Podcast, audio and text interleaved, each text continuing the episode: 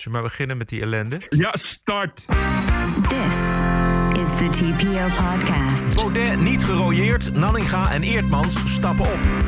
Nederlandse kunst draait toch niet op subsidie. Onze hele kunstwereld draait op uiteraard kunst die vroeger gestolen is. En Donald Trump zal staatsgreep afblazen. Heeft hij zelf beloofd. Certainly I will, and you know that. Aflevering 205. Ranting and Reason. Bert Bresson, Roderick Phalo. This is the award winning TPO podcast. Het is vrijdagochtend 27 november. Boy, what a week. Ja, man. Ik heb echt zoveel popcorn heb ik nog nooit gegeten in mijn leven. Ja. En heel veel cola gedronken. Ik heb echt er gewoon een week lang onderuit gezakt met popcorn eh, voor de laptop gehangen. Fantastisch. Kostelijk. Geweldige Kostelijk. tijd leven we toch. Dat we dat allemaal live kunnen, kunnen meemaken. Voor zover Ja. we dat kunnen meemaken. Er is natuurlijk ook nog heel veel wat we niet hebben gezien. Misschien komt dat nog een keer in een boek of zo of een film. Maar het was ongelooflijk. Zo even de stand van zaken op vrijdagochtend om acht Ja. minuten voor half elf. Nanninga Eertmans, Nicky Pauw en Eva Vlaardingenbroek zijn opgestapt uit Forum voor Democratie. Lidmaatschap opgezegd. Nanninga blijft wel lid van de Amsterdamse Raad en van de Eerste Kamer. Pauw Verwij die houdt ook haar zetel in de Eerste Kamer. En ehm, Eertmans, eh, ja, wat gaat die doen eigenlijk? Ja, maar ja, kijk, eh, Eerdmans eh, was al werkloos. Is nu nog steeds werkloos. Ik Ja. bedoel, Dat maakt natuurlijk niet zoveel uit. Tuurlijk was het idee dat hij dan eh, hoog in, de, in de Kamer zou komen. Maar die moet nu kijken waar hij zich ofwel ergens anders bij kan aansluiten. Of hij kan natuurlijk samen met Even Vlaardingen-Broek en eh Nicky Pauw-Verwij en, en Annabel Nannega een nieuwe partij oprichten. Dat is natuurlijk het meest voor de hand liggende. Dan heb je natuurlijk twee problemen. Eén, je staat onder enorme tijdsdruk. Ja, Eh, want nog honderd dagen voor de verkiezingen. En je zit natuurlijk ook met een hoop verwarring. Want eh, nu zij zijn opgestapt, denk ik dat eh, Baudet natuurlijk... die, die, die pakt die partij weer helemaal terug. ja, ja. En die gaat flink campagne voeren. Dat is dus een probleem. Waar je, wat je kan doen, wat, wat, je nog, wat je nog kan doen, is, is inderdaad zeggen dat je, weet je, lijst Nanninga en dat je daar, daaraan je naam verbindt. Ja. Dan moet je wel weer, dan je moet ze eerst een partij oprichten, zodat Oh. mensen daar lid van kunnen worden. Dat is dus, dus het probleem inderdaad. Ja. Bovendien, als ik Nanninga was, zou ik gewoon stoppen. Naar, eh, weet je, die, volgens mij is dat ook, heeft ze helemaal niet de ambitie. De enige ambitie die zij nog heeft, is gewoon haar tijd in Amsterdam afmaken. Ja. Omdat ze daarvoor gekozen is om de belangen van de Amsterdammers te behartigen. En that's it. Dus het lijkt mij meer dat eh, iemand als Eerdmans daar een ambitie voor heeft. Ja, die moet dan dus inderdaad zelf, zelf eh, of iets gaan regelen of zich ergens anders aansluiten. Maar ja, ik denk niet dat er iets anders is waar hij zich kan aan, bij kan aansluiten. Nee.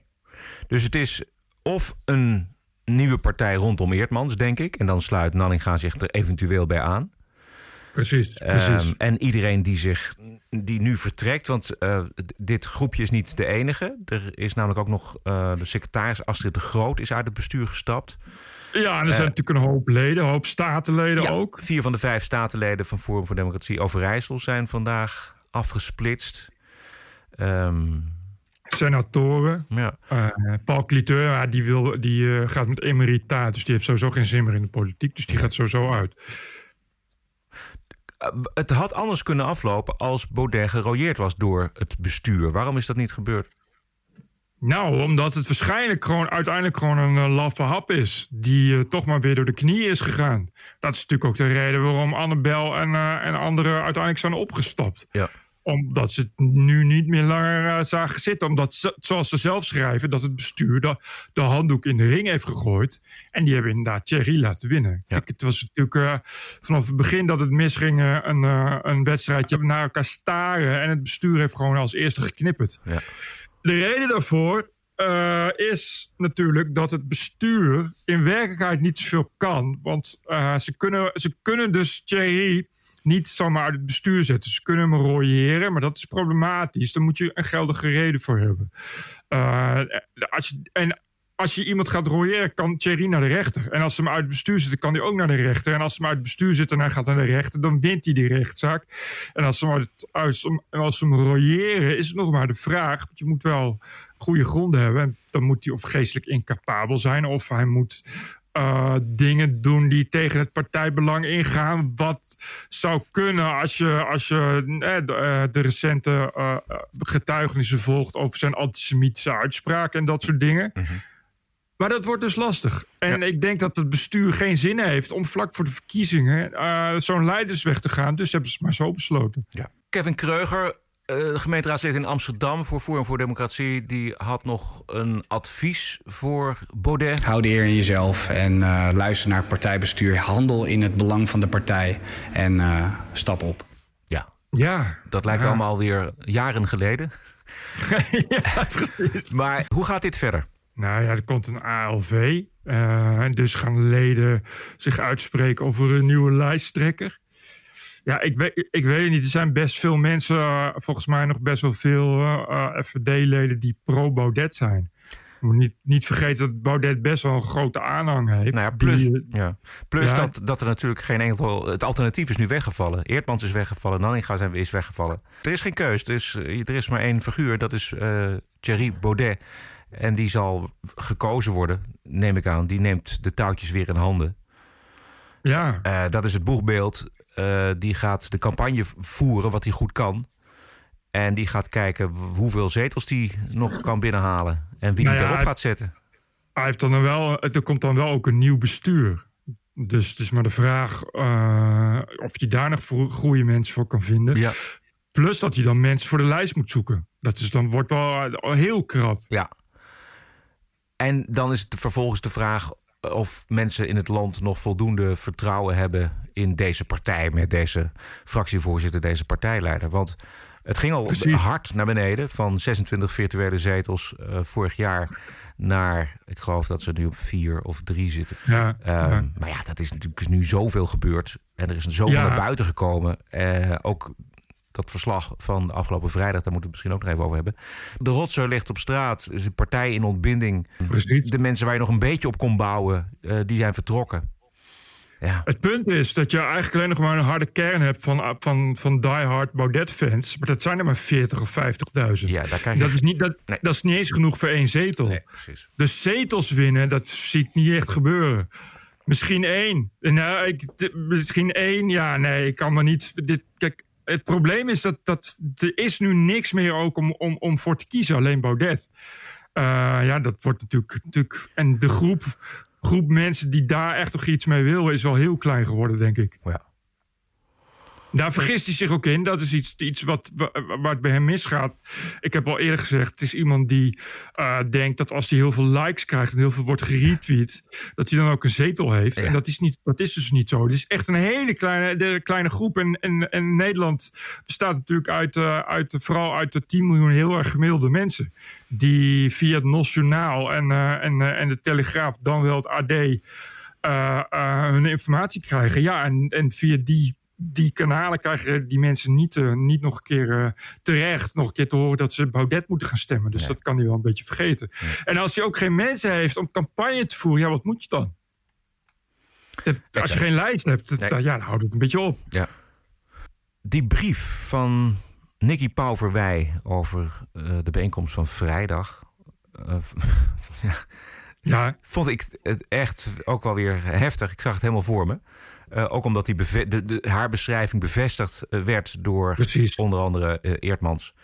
Er, er staat onder andere in dat Baudet zou hebben gezegd dat bijna iedereen die hij kent een antisemiet is. En vervolgens werd er dan gevraagd: gaat dit om een grap? En dan was hij gewoon bloedserieus. Zei hij: nee, dit gaat helemaal niet om een grap. Hij was grof en autoritair tegen Eertmans, tegen iedereen. Eh 3 miljoen doden zou geaccepteerd moeten worden als de vrijheid gered kon worden. Er was ruzie over muziek. Wat is er toch gebeurd, man, met die jongen? Nou ja. Iedereen die, die om hem heen heeft gestaan en met hem heeft gewerkt, eh, vraagt zich dat af. Of in elk geval is duidelijk dat hij eh, in hoog tempo is geradicaliseerd, zoals hij vroeger niet. Nee. Het, het is altijd wel, eh, ik ken hem gewoon nog, nog van, van uit de tijd dat hij, dat hij Forum had opgericht, zeg maar. Dus nog voordat hij in de Kamer. Eh, het was wel een paradijsvogel. Een, een aparte jongen en een poseur. Eh, maar goed, dat. dat Maar ook dat- aardig. Ook, Ja, nou, ook he- gastvrij. ja. ontzettend hartelijke, eh, een aardige jongen, en een hoffelijke jongen. Eh, maar niet, niet, niet, niet dit soort radicale, radicale. Het was gewoon een slimme jongen. Het was gewoon een intellectueel die, die, die paar, tot een paar jaar geleden elk geval niet, niet, niet in dat soort rare complottheorieën zou meegaan. Nee. Wel iemand die soms bewust ervoor koos om de dingen die hij die, die leuk of interessant vond uh, uh, uit te spelen. Juist omdat andere mensen daartegen waren. Dus, dus dat is wel. Uh, het, een gedeelte van die, van die rare houding nu tegenover de coronamaatregelen is ook. Als, omdat de mainstream media het zegt dat het niet mag, is het voor hem extra reden om dat wel te doen. Maar, maar niet, niet iemand die openlijk antisemitische opmerkingen Nee, zou maken. nee. Of, of zou zeggen: iedereen die ik ken is ook antisemiet. Uh, of, of inderdaad echt over corona. Ja, het is de laatste, laatste maanden in elk geval echt heel snel bergafwaarts gegaan als een, als een complotdenker ook echt. Wat ik wel weet is dat hij ook de laatste maanden echt, echt heel snel down the rabbit hole is gegaan. Uh, richting ook, ook echt iemand die, die, die ineens uh, dingen van QAnon is gaan geloven en zo. Oh En, en, dan heb je toch over eh, geloven dat de elite zich bezighoudt met, met, met pedofilie en een duivelsaanbidding en, en, uh, en ja, de, de New World Order en dat soort gelul allemaal. Ja. Ja. Ik zie dat bij meer mensen overigens Ja, gebeuren. En, en, dat zijn ook, en dat zijn ook hele slimme, normale mensen waarvan je nooit had verwacht. Dus ehm, Ja, ik, ik ook. Ja. Ik, ik hoorde gisteren een verhaal van iemand die ik ook goed ken uit mijn vroegere vriendenkring. En die is nu afge- afgereisd naar Portugal, omdat daar een soort van commune is. En daar wachten ze de, hel af die op 23 december, geloof ik, eh, zal gaan eh, gebeuren. Die is gewoon vertrokken. Alles Ja. achter zich gelaten en, en naar Portugal. Ja, nou is dat natuurlijk wel van alle tijden. Hè? Dat je, bedoel, eh, er is natuurlijk altijd geweest dat er, dat er ineens mensen bij een secte gaan. En sectes hebben altijd een tijdstip, heel binnenkort meestal, waar- waarop iedereen vergaat. En eh, jij als sectelid als enige over eh, Ja. kunt worden gered. Maar ik zie dat het eh, met corona sinds die pandemie is het keihard gegaan. En dat wordt natuurlijk versterkt door internet. Daar zie ik het gebeuren. Uh, ik zie toch mensen op Twitter die altijd wel... Het, het is natuurlijk wel uh, mensen met een bepaalde persoonlijkheid. Thierry Baudet, uh, nou, om hem een narcist te noemen... is denk ik niet heel erg overdreven. Uh, dat is ook niet erg, omdat uh, ja, dat is een kwaliteit... waardoor je als politicus in elk geval heel ver kunt schoppen. Het is natuurlijk ook een zeker risico, omdat je natuurlijk snel kunt doorslaan. En al snel geen kritiek meer kunt dulden. En op zoek gaat naar andere oplossingen. Maar ik, ik, En dat is hij gebeurd. is- dat is gebeurd. En daar is het ook echt misgegaan, ja. Ik vrees wel voor zijn geestelijke gezondheid in de toekomst. Als, er, ehm, als hij niks meer heeft, ja, dan moet je afvragen wat hij, wat hij dan gaat doen. Ik- Ik mag hopen dat zijn vrouw achter hem blijft Ja, staan, laat ik ja. het zo zeggen. Ja. ja. Is het boek dicht bijna, denk je? Het hangt een beetje vanaf, natuurlijk. Als, als Baudet lijsttrekker blijft en partijleider, dan zal hij in elk geval nog een lange tijd, eh, zal het in elk geval nog een lange tijd blijven sudderen. In elk geval op social media en online en dat soort dingen. Ja. Ik bedoel, Baudet zelf heeft natuurlijk met dat FVD-journaal... ja, dat is gewoon een soort nieuwe Jensen. Ja. Eh, maar nou, Robert Jensen vraag je ook af hoe lang dat nog blijft bestaan. Maar dat blijft kijk, toch 40, 50.000, dat zeg ik. Is natuurlijk altijd een harde kern die blijft. En dat zie ik ook in de reacties. Ik zie eh, in de reacties op TPO en op Facebook en op Twitter... Er zijn toch allemaal mensen die niets anders doen dan zeggen... eh, kapot gemaakt door de linkse kerk... Uh, en iedereen wil Baudet kapot hebben. Weet je, dus het, er is een, een groep die, die daaromheen blijft hangen, wat er ook gebeurt. ja. En die niet accepteren, die gewoon de, de werkelijkheid niet accepteren. Nee, Nee, dat doet hij zelf natuurlijk ook niet. Die meltdown op WNL. Toen ze de brief voorlazen van Even Vlaardingen-Broek. Ja. Ja, dan zie je toch wel... eh, ja, dan is toch wel echt iemand die psychisch lijdt. Laat ik het zo zeggen. Maar dus niet, niet die werkelijkheid accepteert. Nee. Maar de, ja... Tja, dus, dus eh, ja. En, en eh, dat, die aanhang, dat zeg ik. Als je dat leest, denk je ook van man, oh man. Die hebben, er is een groep. Te- Kijk in, de, kijk in de reacties op TPO, zou ik zeggen. Of op Facebook. Dat zijn mensen die vanaf het begin af aan hebben gezegd... dat die klokkenluiders bij de JFVD... eh, ja, dat het terecht was dat die gerooieerd zijn. Want die zijn niet loyaal. Ja, dat is waar het om gaat. Je hoort loyaal te zijn als een trouwe soldaat. Want Thierry gaat Nederland redden. Dat is een beetje het verhaal. Punt. Binnen, er zit verder wat hij ook doet, maakt er niet uit. Thierry is de nieuwe kapitein en daar moet je, moet je loyaal aan blijven. En iedereen die dat niet doet. Eh, wil, ja, iedereen die het niet doet, is, is eh, iemand die greep naar de macht doet. Of een koe wil plegen. Of bewust schade wil doen. Ik, ik lees ook eh, dat het vooral geen stijl moet het ontgelden. En Bart Nijman. Ja. Bart Nijman is ook een Jood, las ik. Dat, dat je dat weet. Eh, en dat is, ja, die, hebben, die hebben kleur bekend. Dat zijn eh, mensen die door Soros worden betaald. Eh, en bij het stiekem door GroenLinkse dissidenten zijn het. Die door Soros worden betaald om, om Thierry Baudet om zeep te helpen. Dat soort gelul allemaal. Dat is, dat is, en dat is de hardcore groep FVD'ers. En die blijven zo. Oké, dat zijn er dan, nou ja, hooguit misschien eh, Een paar duizend. ja, een paar duizend. Laten we even kijken naar die andere groep mensen die eh, nog niet zo heel erg lang geleden eh, deze partij 26 virtuele zetels in de Tweede Kamer gaf. 13 zetels in de Senaat, toen alles nog koekenij was, toen alles nog goed ging. Eh, dat zijn ehm, ongelooflijk veel mensen. Waar moeten die heen? Die kunnen nergens heen. Die kunnen voor een deel naar de PVV. Maar een groot gedeelte zal wel weer toch naar de VVD gaan eh, of niet gaan stemmen. als je iets voor die groep wilt maken, je hebt dus een Baudet of een Fortuin nodig. Weet je? Ja.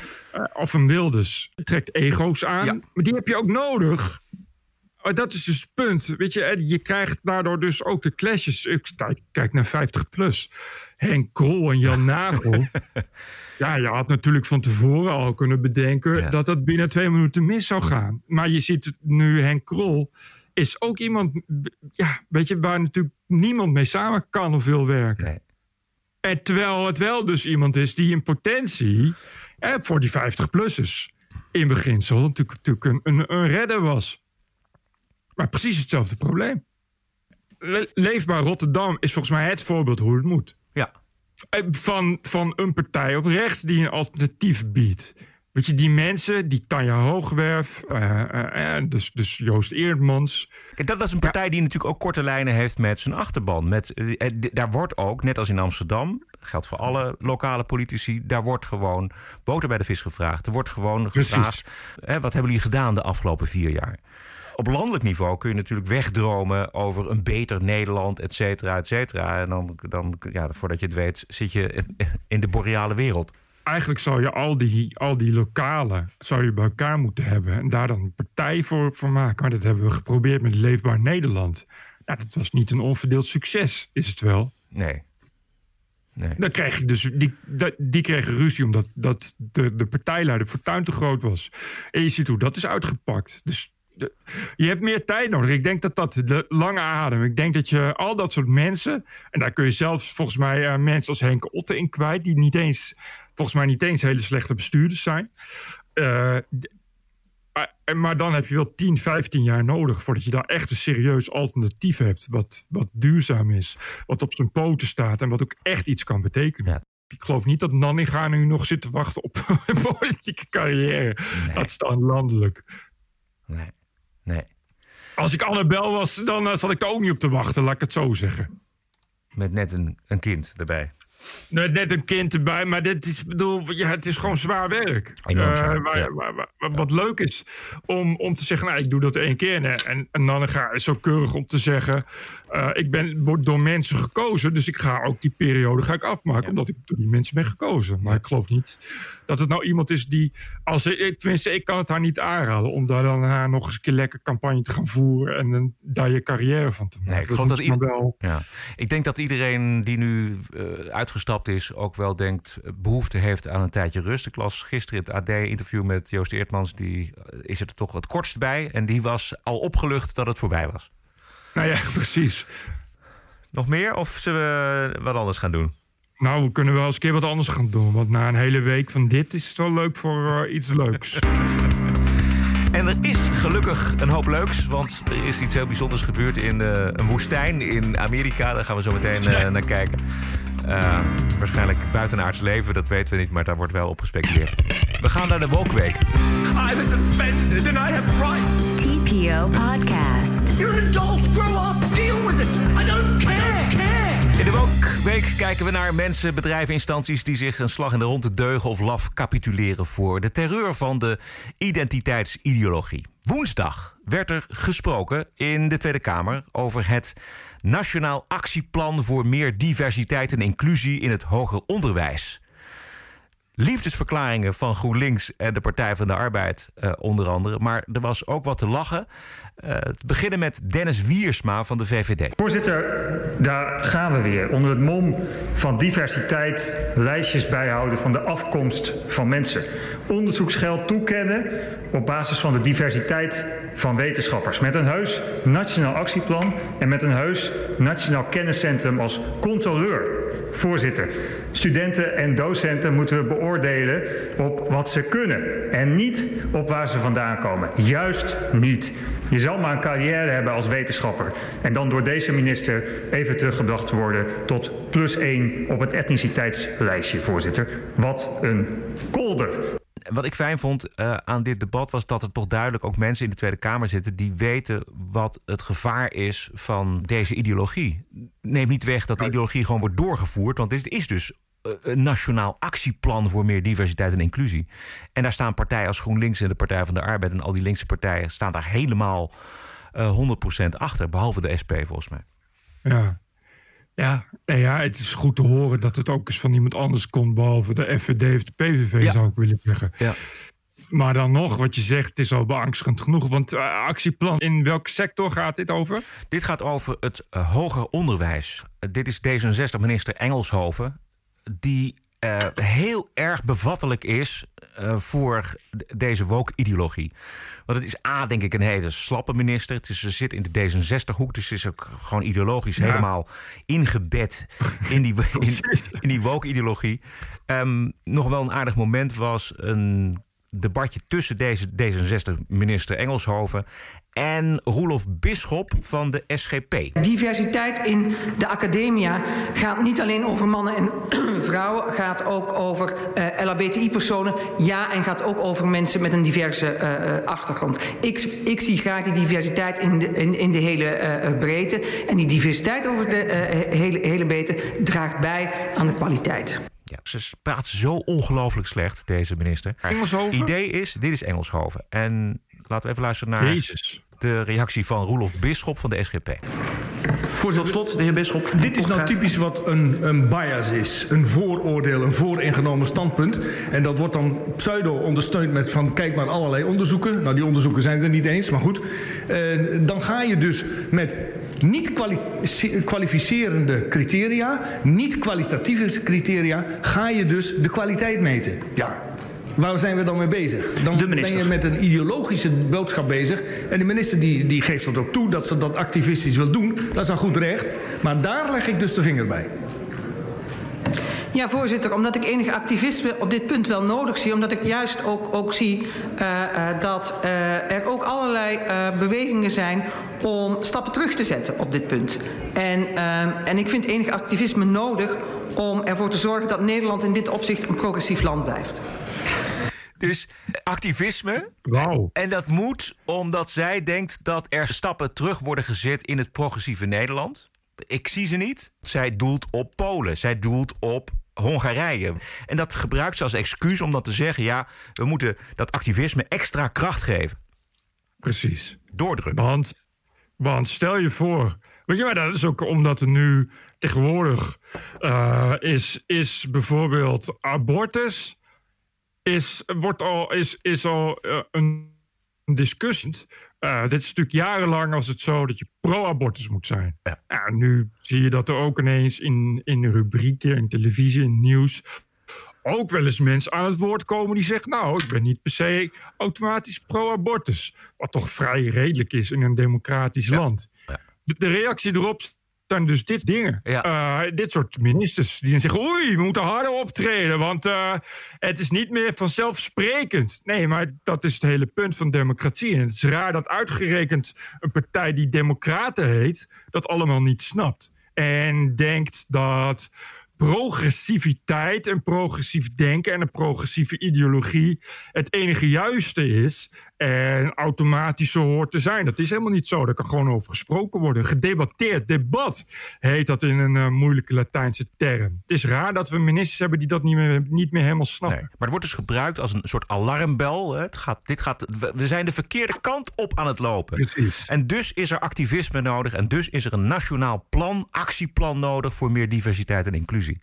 Ja. Dat, ja, het, het, is, het is kletspraat, het is kletskoek. Maar het staat goed. En je kunt er uh, je mee profileren met de verkiezingen. En dat, dat wil Kaag heel graag. En, ja, D66 kan ook niet zoveel anders. Dus ja, ik bedoel...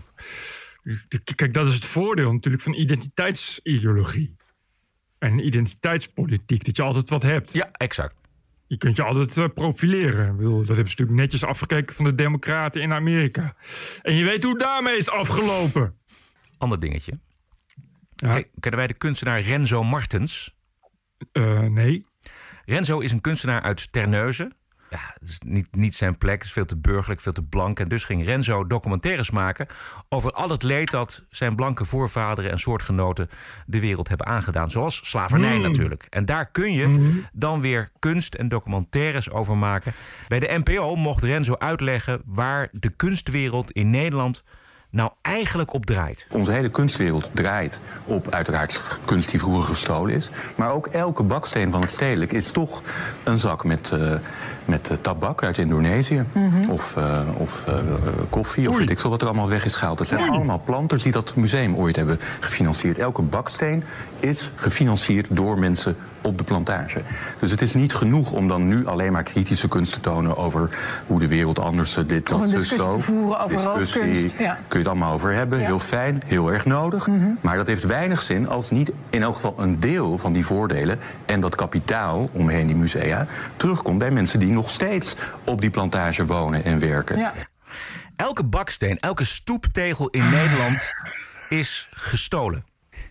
ik kan er gewoon niet meer. Nee, nee. Ik geen eens grappen meer over maken. Ik, kan, ik moest serieus even denken of dit serieus was. Hij klonk als, als satire. Maar Ja, goed, dit was ja. bij de NPO, dus Ja. het zal wel echt zijn. Nee, bloedserieus. Tering. En dan woon je in Terneuzen. Terneuzen. Ja, nou, daar woont hij niet Ten- meer, maar daar komt hij vandaan. Ja, nou, Terneuzen is gebouwd op de tranen van Bluff. Nou, zeker. Want nee, maar luister. Ik geloof dat Zeeland, Middelburg, dat als het ergens een, een, een gedeelte van Nederland geprofiteerd heeft van de slavenhandel, dan is het Zeeland en Middelburg. Hier. Dus daar zit een. Hier. Ja, daar zit echt De een eh, schuldgevoel achter.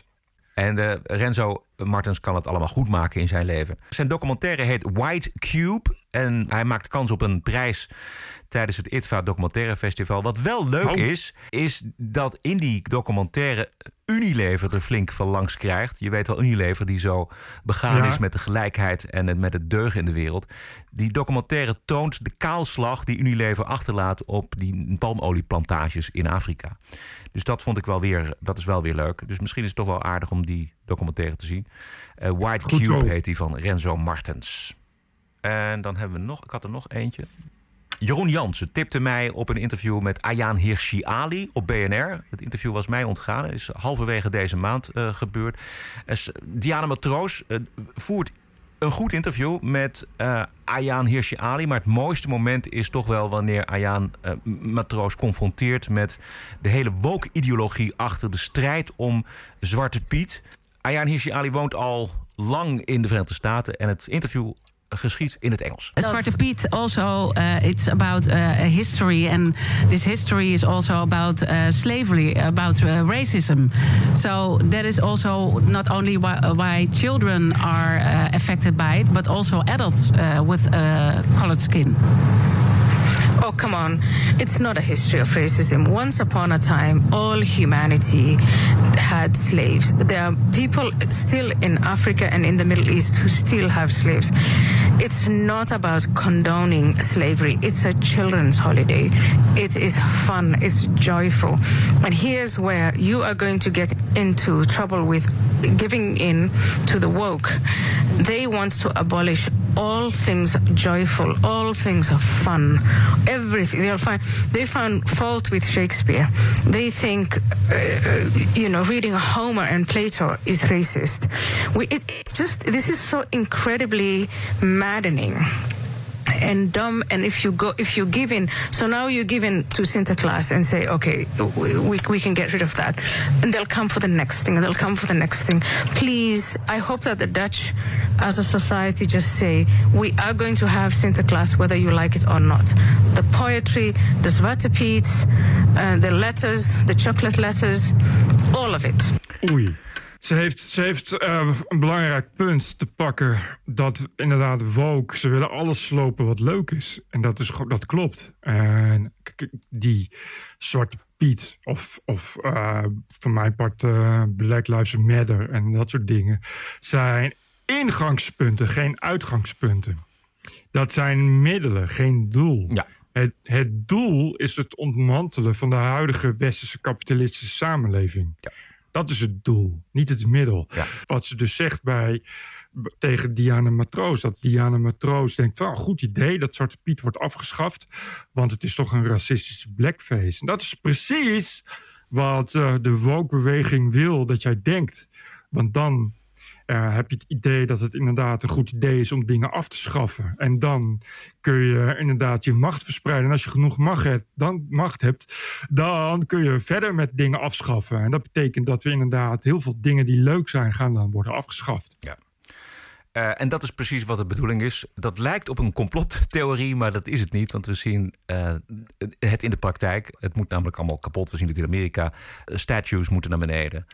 De blanke overheersing, daar moet het afgelopen mee zijn. Op hogescholen, universiteiten, het onderwijs. Uh, vrije meningen, vrije expressie, ja, nee. vrije gedachten, vrije uitwisseling van ideeën, vrij debat, uh, vrij denken. Dat is, dat is allemaal wat woke tegenstaat. En dat is allemaal wat kapot moet.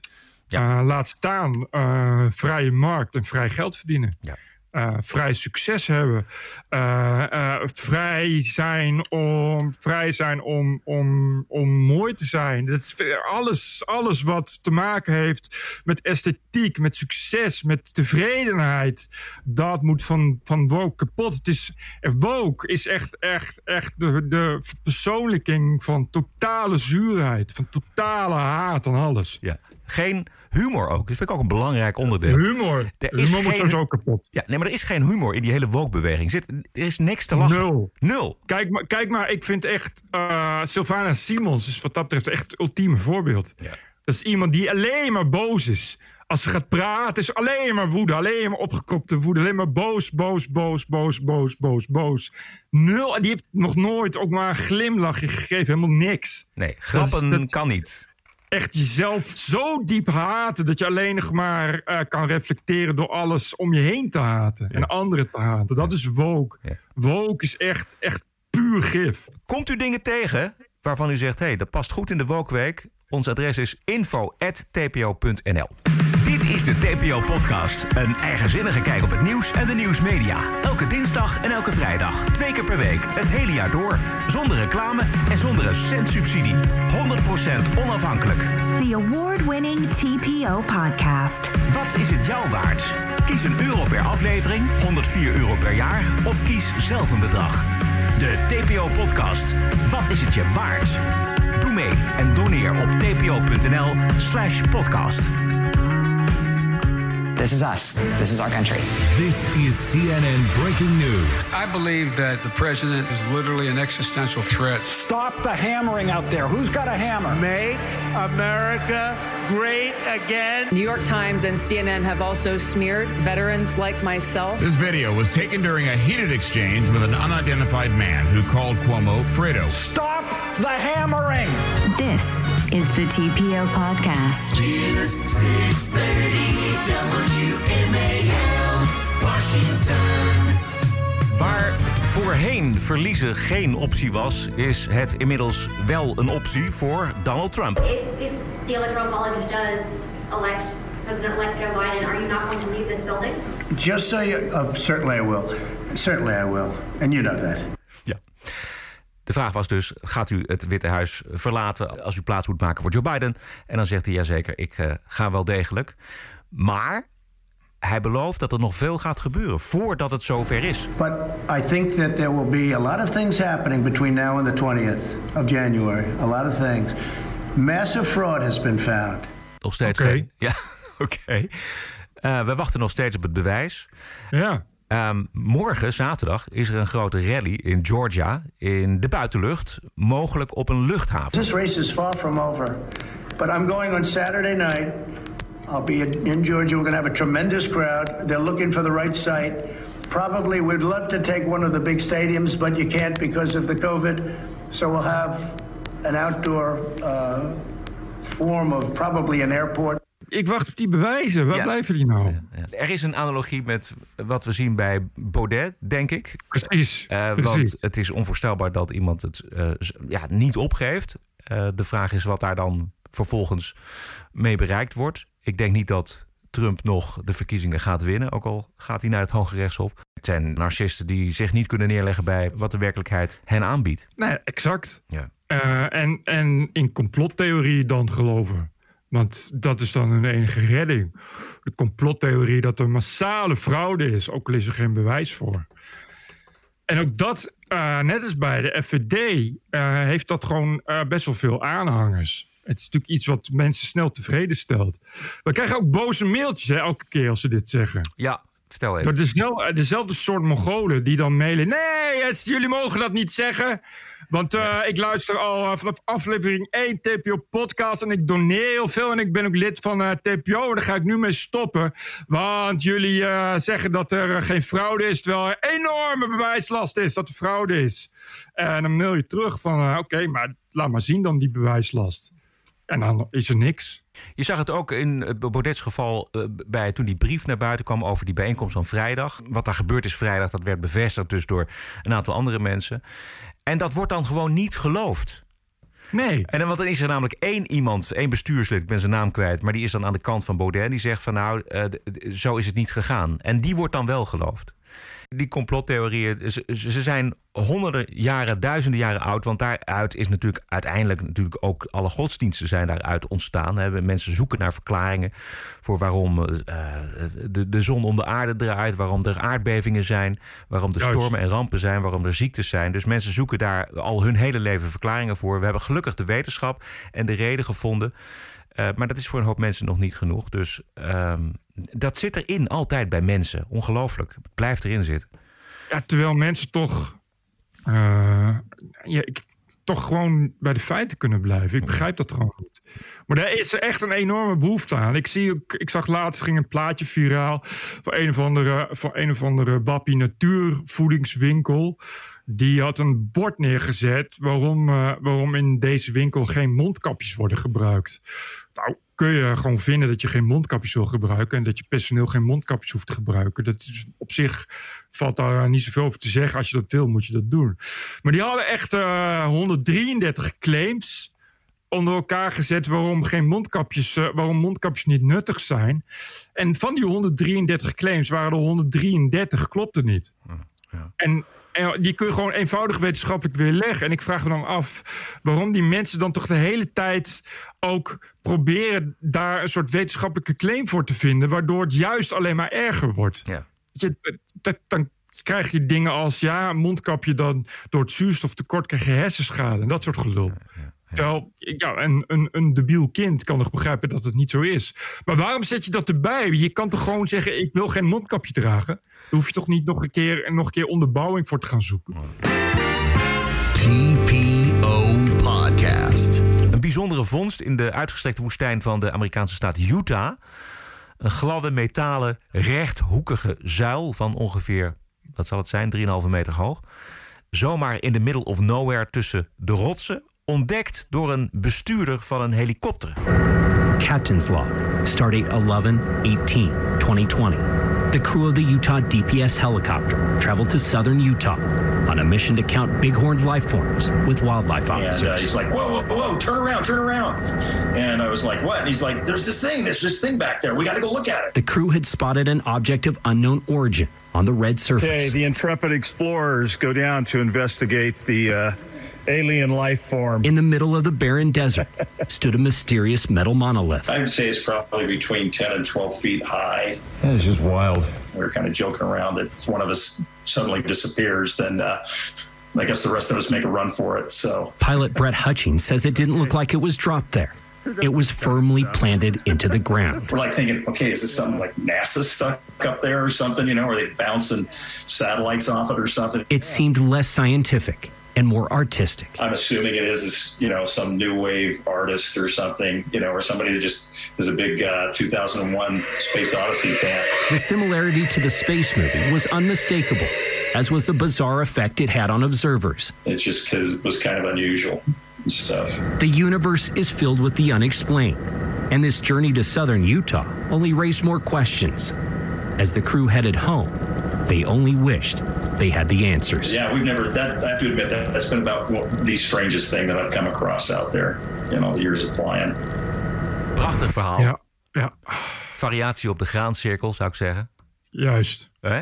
Ehm, Terwijl ja. bij graancirkels eh, is het soms zo fascinerend dat je je afvraagt hoe iemand het gedaan heeft. Ik begrijp echt de ophef niet. Dit is een, eh, een, een, een, monolith bestaande uit drie meta- metalen roestvrij stalen platen die aan elkaar zijn gelast en in de grond zijn geplaatst. Wat echt iedereen kan doen. Ja, oké, maar goed.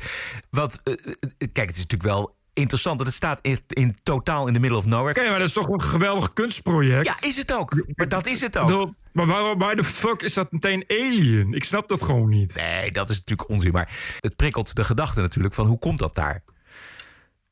Nou, omdat iemand dat daar heeft neergezet. Ja. Gewoon een, gewoon een, een kunstenaar. Precies, gewoon ja, misschien wel. Maar en, ja, oké. En, en wanneer en eh, wie heeft dat gedaan? Eh, ik geloof dat inmiddels uit beelden van Google Earth blijkt dat het ding er in 2015 nog niet stond, maar in 2016 wel. Dat klopt, ja. Dus je- we weten wel hoe, lang het staat. Maar, ja, kijk, de eh, Monolith is eh, eigenlijk sinds Stanley Kubrick's 2001 A Space Odyssey...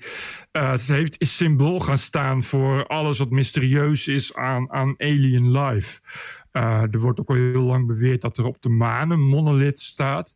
Wat apart is, je zou dan denken dat eh, aliens inderdaad eh, Stanley Kubrick films hebben gebinged of zo. En aan de hand daarvan dan hebben besloten ook maar monoliths te gaan plaatsen. Terwijl het is gewoon bedacht ooit. Volgens mij eh, overigens door Arthur C. Clarke, die het verhaal heeft geschreven. Dus het, en terwijl ja, ik zie in, in alle UFO-groepen die ik wel eens lees, zie je inderdaad iedereen helemaal bananas gaan. Omdat nee, maar er goed, dat- dat- een paal, een paal is ontdekt. Ja, maar wat ik. Paal! Een paal. Maar wat ik dus interessant vind, is eh, dat iemand dat vier jaar geleden gedaan heeft. En, en gewoon zit te wachten totdat het een keer ontdekt wordt. Want het had Ja. natuurlijk ook zo kunnen zijn dat het helemaal, dat het nog wel tien jaar had kunnen duren. Maar het heeft in ieder geval vijf jaar, vier jaar geduurd. voordat zijn geniaal. kunstwerk ontdekt is. Dat is, ben ik met je eens. Dat is, dat is, een- dat is een geniale zin. Ja. Ja, en die, zou die nog leven, die kunstenaar? Nou ja, wat ik las, ik las hetzelfde artikel als jij. Inderdaad, dat er een overleden kunstenaar is die heel veel van dat soort dingen maakte. Of in elk geval eh, een band met dat soort vormen.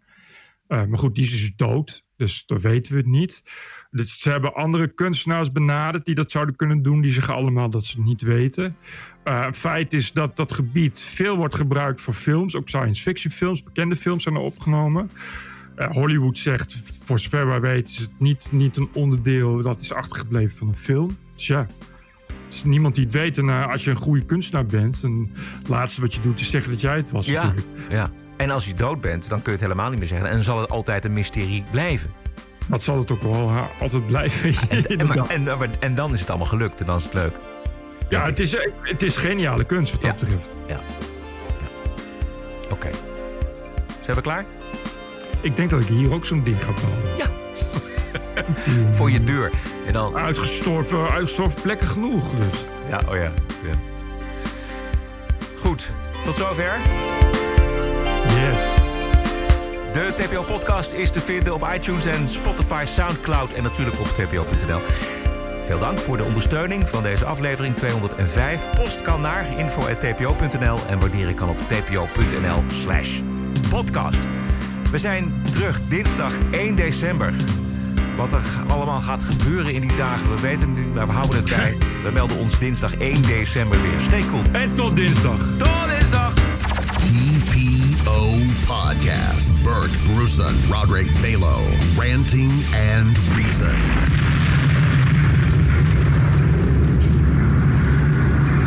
Ik merkte vooral toen ik deze ruimte binnenkwam dat ik dacht: oh ja, dit voelt zo voor rijke witte mensen. Podcasting is the TPO podcast in the Netherlands. Bert and Roderick. What a show. I'm telling you.